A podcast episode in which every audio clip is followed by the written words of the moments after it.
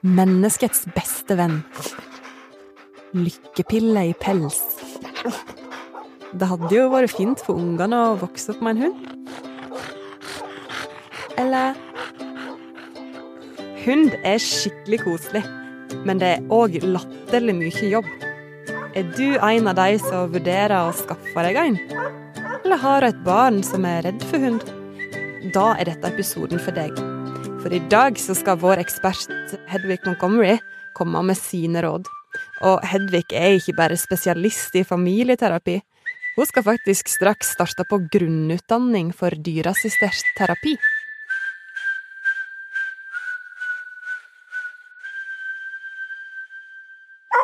Du hører på Foreldrekoden fra Aftenposten, og jeg heter Amalie Læring. I dag skal vi altså snakke om hund og ingen andre dyr. Hvorfor det, Hedvig? Jeg tror det er, kommer rett og slett av at hun er det som flest barn maser om, og som også flest familier har. Så det er noe med at vi tar det dyret som er vanligst inn i barnefamiliene, og som det kan være ganske vanskelig å manøvrere rundt. Skal vi si ja, eller skal vi si nei? Og bare for å ha etablert det først som sist, det er to hundeeiere som skal snakke om dette i dag. Hvor gammel er hunden din? Du, min uh, lille nydelige Mi, hun er fire år, og jeg håper at hun skal leve i mange, mange, mange år til. Ja, og min heter Beatles, og han er ni år, men ungene de er fem og tre, så vi er jo en av de som har hatt hund lenger enn vi har hatt barn, og det har jo vært både krevende og gøy på samme tid. Så hvis vi skal starte i den positive retningen da, Hedvig, hva er det som er bra med å vokse opp med hund?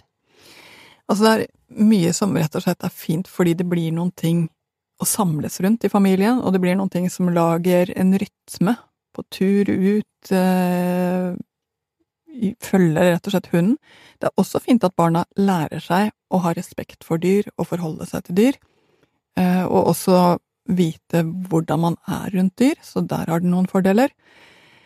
Og så ser det også ut til at barn som vokser opp med dyr, i mindre grad blir allergiske, så det har nok også en, en, liten positiv effekt der. Men ingenting av dette er det jeg hadde lagt vekt på Nei. ved anskaffelse. Hva hadde du lagt vekt på?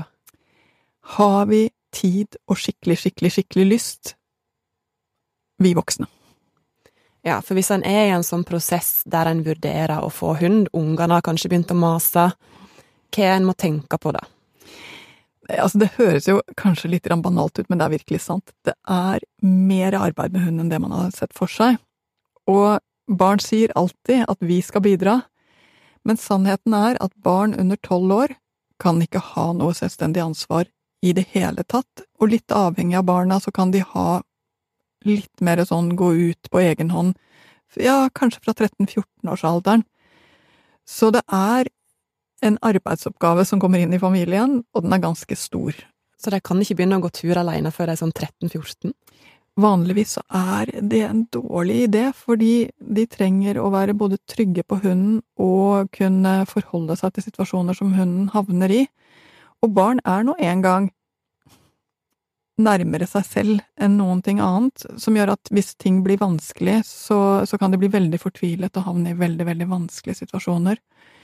Så min tommelfingerregel er at det skal ganske store barn til før det er en reell avlastning. Så den der når barna begynner å mase og sier ja, men kan ikke vi få hund, jeg lover å hjelpe til, jeg skal gå tur hver morgen, det er bare å glemme, da, med mindre er, begynner å bli tenåringer. Ja, og selv da kan jeg love deg at det bare er å glemme, eh, fordi de gjør jo ikke det de sier i det hele tatt. Allikevel så kan det være en veldig, veldig god idé, og kanskje spesielt når barna begynner å bli såpass store at det er litt omsorgsoverskudd hos mor og far, så kan det være ganske fint å få den der felles vesenet å bry seg om, ta bilder av, snakke om, altså du får noen ting som kanskje spesielt når barna kommer opp i øvre barneskole eller ungdomsskolealder, får noen ting som samler familien litt igjen. Hvordan påvirker det barnet å ha hund? Blir du mer omsorgsfull, for eksempel? Altså, det første å huske på, for at hund skal fungere godt, så må det være et godt hjem. Både for hunden og for barna. Så det aller første å huske på, det er at det skal være en god stemning og nok ressurser til både store og små. Men hvis vi har et hjem som er akkurat slik, det er plass til både barn og hunder, så er det veldig mye fint med det å ha en hund inn. En hund er ganske lik mennesket i sin uh, oppbygging av hjernen, det vil si at hunder både leser mennesker og føler med mennesker, og også påvirkes frem og tilbake av oss på en annen måte enn andre dyr, som er ganske spennende. Og det ser vi også at barna blir flinke til å lese følelser, ikke bare hos hundene, men også hos mennesker, fordi de lærer seg noen ting om hva de skal se etter, som fungerer.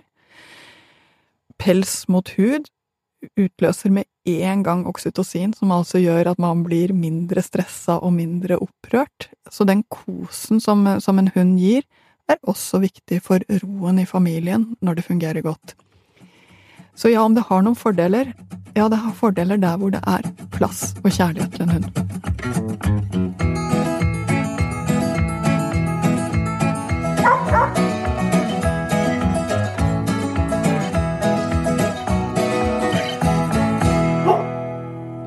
Mange foreldre har jo hatt hund i egen oppvekst og har et veldig sånn idyllisk bilde av hvor fint det var. Eh, hva tenker du rundt det? Ja, Det vittige er at ofte så er det jo en som har hatt det, og en som ikke har hatt det, som fører til ganske harde diskusjoner. For den som ikke har hatt hund, ser bare arbeidsoppgaven og ulempen, og den som har hatt hund, ser kanskje bare kosen og husker de fine øyeblikkene av pels mot hud, og begge delene er jo like feil. Så det er ikke noe tvil om at dette kanskje er en av de tingene som det krangles om. Hvordan er det like feil? Fordi det å ha hund er ikke bare kos. Det er også å følge opp, eh, ta ansvar for, eh, finne løsninger når man skal reise bort på ferier eller i helger. Det er rett og slett et ganske stort ekstra element å ta hensyn til i familien. Som man kanskje ikke husker når man selv var barn og det var foreldrene som gjorde all den jobben. Og den som bare tenker på arbeidsoppgavene, har jo ikke opplevd hvor vidunderlig det er når hunden hopper opp i sengen om morgenen og legger seg litt inntil en ungdom eller et barn som, som trenger litt kos den morgenen. Det er liksom praktiske, kjedelige argumenter mot det. Liksom det er dyrt å ha hund, kanskje jeg må ha en operasjon, eller et eller annet med tennene. Analkjertelbetennelse hadde jeg aldri hørt om før jeg fikk hund. Det er mye som kan skje. Det er mye som kan skje, og det betyr også at det å ha hund er å skaffe seg en hobby. Du er nødt til å interessere deg, du er nødt til å lese deg opp og lære deg det som skal til for å være en god hundeeier. Eh, og de utgiftene som følger med, det kommer jo selvfølgelig an på litt på rase og litt på hvor uheldig du er, men ja, det kan bli en del utgifter på en hund. Og så lever de ofte lenge. Ja, og det må jeg bare legge til heldigvis for ja, det, da. Det er jeg veldig glad for. Ja. Men jo mindre hund, jo lengre lever de. Sånn at de store hundene eh, er eh, ni-ti års eh, alder på ofte det de oppnår, mens de små hundene kan bli både 15 og 16 og fortsatt være veldig spretne. Så det er klart at du skaffer deg en forpliktelse som varer lenge. Så du var innom i stad, så er det ofte i mange tilfeller sånn at den ene forelderen, hvis det er to foreldre, at den ene er veldig gira på hund, og den andre ikke. Er det en god idé å kjøpe hund hvis en ikke er 100 enig? Det er jo et ganske hardt krav at man skal være 100% enig. Jeg tror ikke det er mye som hadde skjedd i hjemmene hvis det var kravet. Eh, jeg tror at også den som er skeptisk, må i hvert fall være litt med på det. Det må jeg si. Å ha en tung motstander eh, tror jeg blir eh, motbakke. Men så er jo erfaringen slik, da, at den som var litt skeptisk, er ofte den som blir mest forelsket, rett og slett fordi overraskelsen kommer og tar ham eller henne. Så um, kanskje man kan prøve seg litt frem også der, og, og se hvordan det er å, å, låne en hund og ha med i familien i noen uker, og se hvordan det blir. Hvis en i en sånn vurderingsprosess ender opp med at en ikke skal ha hund, er det da en god idé å gå for et pinnedyr, en fisk, ja, det er faktisk et veldig godt spørsmål. Jeg tror mange til og med begynner med marsvin eller hamster for å se om barna klarer å ta ansvar for det, og da på en måte har det som et slags testdyr. Jeg tror ikke det fungerer så veldig godt, eh, fordi de dyrene som vi snakker om nå, enten det er akvarium eller det er eh, marsvin, er De er jo ikke på samme måte som en hund et dyr som leser og forholder seg til mennesker, er ikke dyr som eh, tilpasser seg en flokk. Sånn at det å skaffe seg dyr av denne typen, det er mer å skaffe seg en slags interesse eller hobby som handler om å, å interessere seg for deres bur og deres eh, livssyklus, mer enn det det handler om å teste ut om hunden er en god idé. Så du får ikke noe særlig svar av verken akvarium, pinnedyr eller eh, marsvin. Og så må jeg legge til som en liten advarsel, og dette er av egen erfaring, marsvinene lever altså i ni år. og ofte er det foreldrene som ender opp med å gjøre det meste det jeg må, vel si, ja, jeg må vel dessverre si at dette er en smell jeg har gått på selv. Eh, og det tok ikke mange månedene før det bare var én person i hjemmet som hadde noe som lignet omsorg og kjærlighet for eh, de to marsvinene våre, og det var nok dessverre meg. Det tror jeg det er mange som kjenner seg igjen i, inkludert mine foreldre. Unnskyld til alle døde, alle marsvin og hamstere jeg har hatt.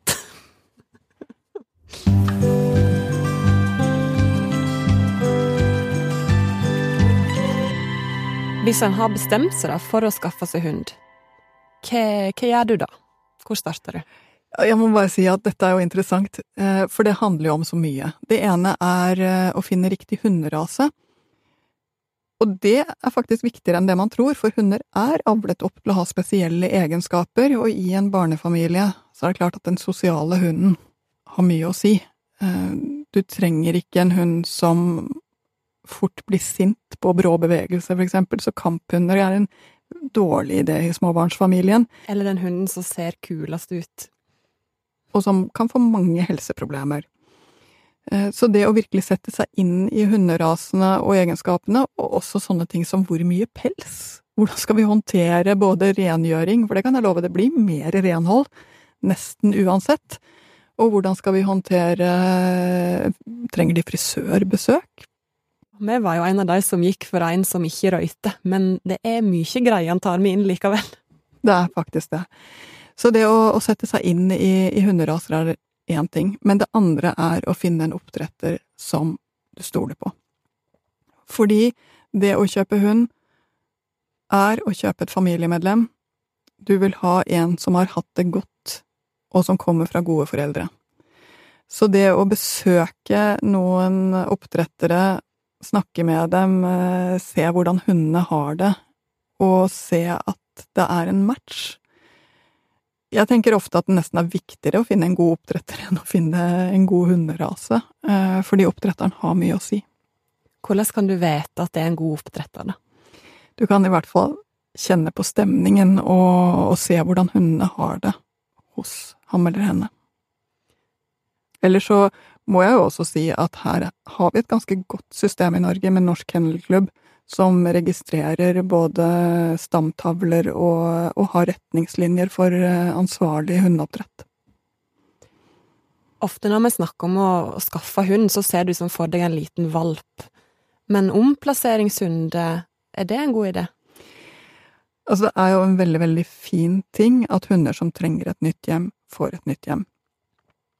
Og det har jo fordeler å få en hund som har levd en stund og lært seg å tisse ute, stort sett, eh, lært seg å få sine vaner på mat og noen ting du kan forholde deg til.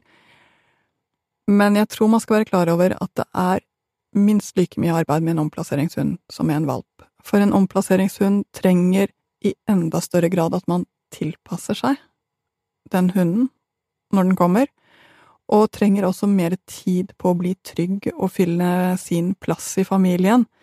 Eh, vanligvis på en åtte–ti ukers valp så er de på mange måter fra naturens side programmert til å gå inn i en ny flokk, mens en hund på ett år eller tre år er ikke det. Eh, så det kan føre til vanskeligere situasjoner, og jeg tror kanskje jeg ville si at en omplasseringshund ikke er en førstehund. Vi nærmer oss desember, det er snart jul, og hvert år så dukker det opp saker i mediene eh, der en blir advart ikke kjøp hund i, julegave. Hva tenker du om det?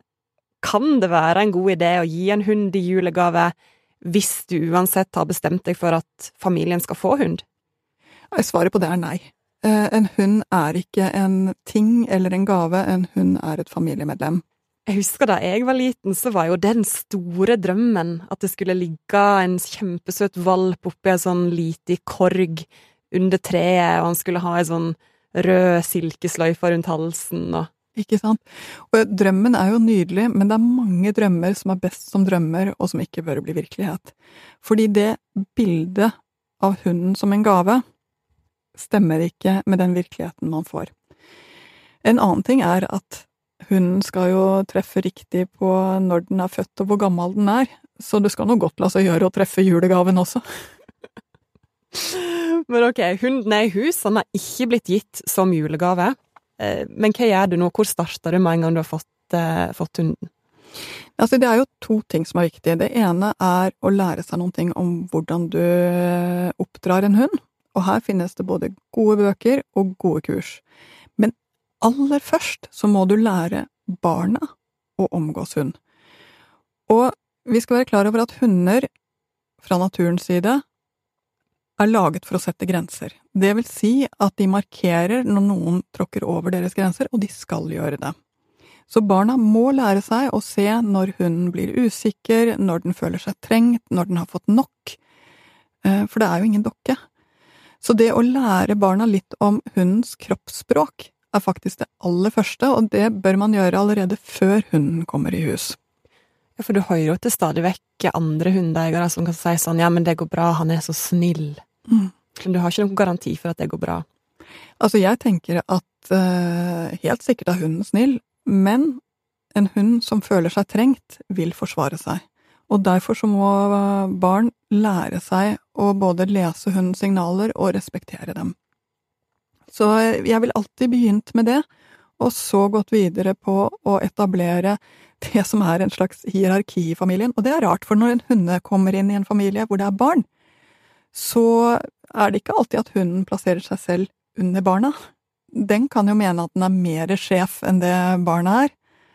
Eh, så det at den skal høre på barna, er noen ting som den må læres opp til. Hvis eh, barna dine er litt eldre og eh, har muligheten til å ta litt ansvar for hunden, da, er det lurt å innføre sånn tydelig arbeidsoppgavefordeling? Jeg tenker at først så må barn som skal ta ansvar for hund, ha lært seg å ta ansvar. Så det å gå hundekurs, aller helst eh, fysisk, men eventuelt på nettet eller lese sammen, men de må ha lært seg grunnprinsippene rundt hund. Det andre er at ja, absolutt, det er klart de kan ta ansvar.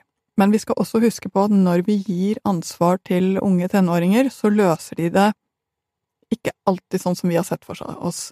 Sånn at det som vi hadde sett for oss som en lang tur, kan vise seg at det har blitt en ganske mye kortere tur. Eh, det er lett at det blir bråk rundt så mye ansvar inn. Jeg prøver å unngå å få hunden som et konfliktområde. Jeg prøver å si ja, fint at du har vært ute med, med henne. Um, så rakk du bare en kort tur, rekker du en lengre tur etterpå. Jeg prøver rett og slett å finne en måte som gjør at det fortsatt er hyggelig, og at de gjør det de skal, men uten at det blir der mase og gnåle.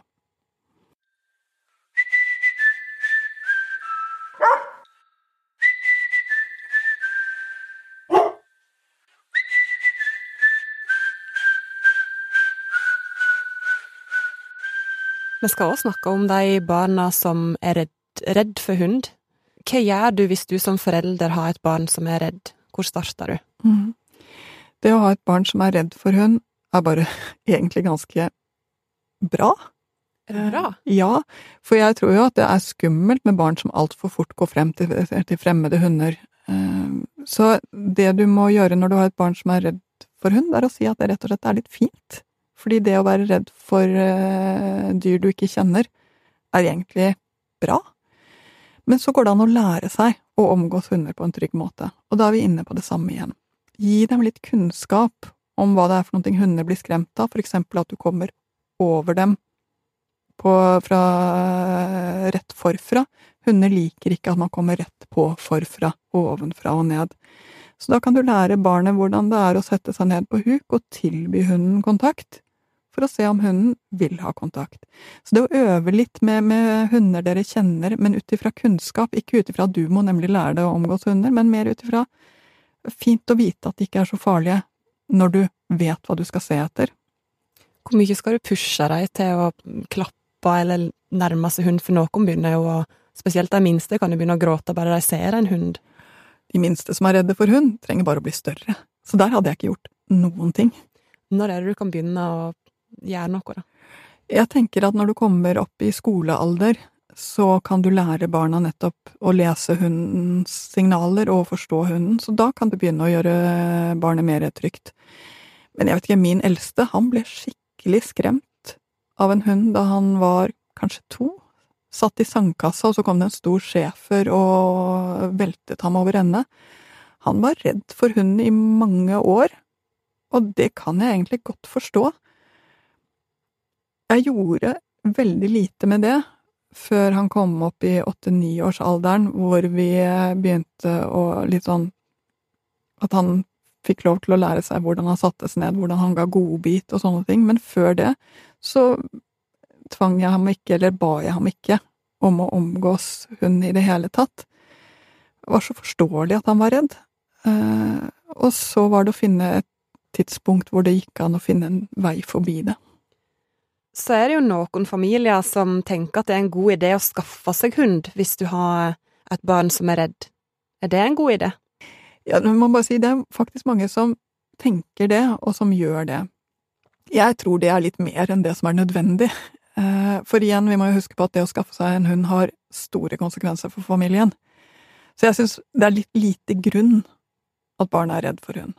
Ehm, da vil jeg heller lete etter andre måter å føle seg tryggere og bra på. En annen ting er at alle trenger ikke å bli bestevenner med hunder heller, det er ikke nødvendig. Så jeg tenker jo ikke at har du et barn som er redd for hund, så må du skaffe hund. Det tenker jeg ikke i det hele tatt.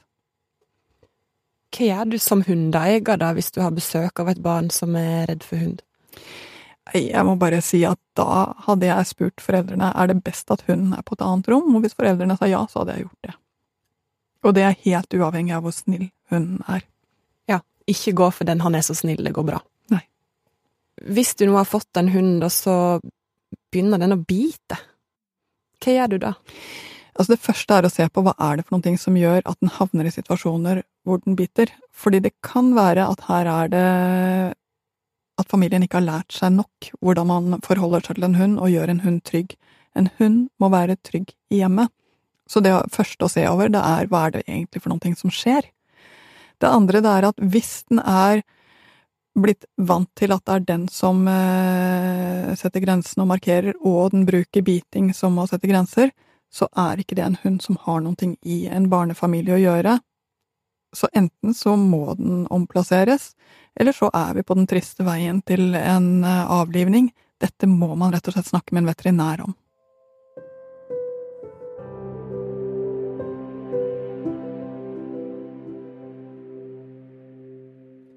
Og så må vi minne om det alle hundeeiere gruer seg til fra det øyeblikket du får hund, nesten eh, når hunden dør. Mm. Hvordan skal du snakke med barna om det? For mange så er jo faktisk hunden det første introduksjonen til sorg. Og så tror jeg at det er det noe veldig, veldig fint med. Fordi vi har vår tilmålte tid på jorda, og hunder er enda kortere, og vi blir så utrolig glad i dem, og allikevel så har ikke de flere dager enn det de har. Det å finne et språk for sorg, for smerte og for død er en veldig styrke for et menneske. Så inn i en barneoppdragelse tror jeg det er få ting som er mer nyttig enn nettopp å få en forståelse av at så vondt kan det gjøre, og alt som hjelper, er at vi trøster hverandre. Du skal ikke gå i den der typiske 'han har flytta på en gård'. Hvis du prøver å skjule at livet er sånn som det er, så har du et forklaringsproblem senere. Du bare skyver det foran deg.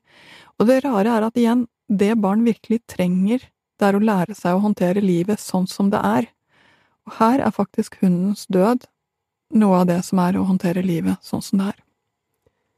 Ofte når en hund dør, så, så er det at eierne må ta et aktivt valg om, en, om å avlive. Er det en god idé at barna eller ungdommene er med på det? Det kommer an på alder og modenhet, og det kommer an på forhold til hunden hos eh, barna også. Jeg ville aldri ha tvunget noen, verken barn eller ungdom, med på en så vanskelig situasjon, men jeg har også vært borti ungdommer som har hatt så stor glede av å være med når hunden sovner inn, og har sett det, eh, og kjenne at det er ikke så mystisk, dette er det som skjer.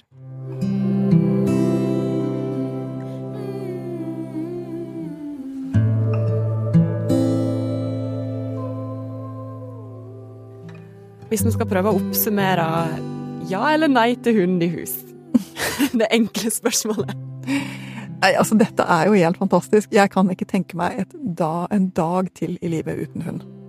Det må jeg bare si. Eh, så for meg personlig, absolutt. Jeg vil ha hund. Jeg elsker det. Men betyr det at jeg mener at alle andre skal ha hund? Absolutt ikke.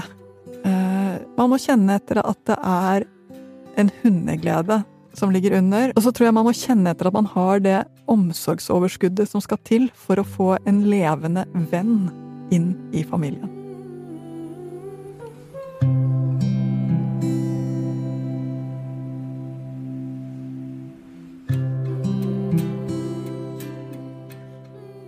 Det var det vi hadde for i dag.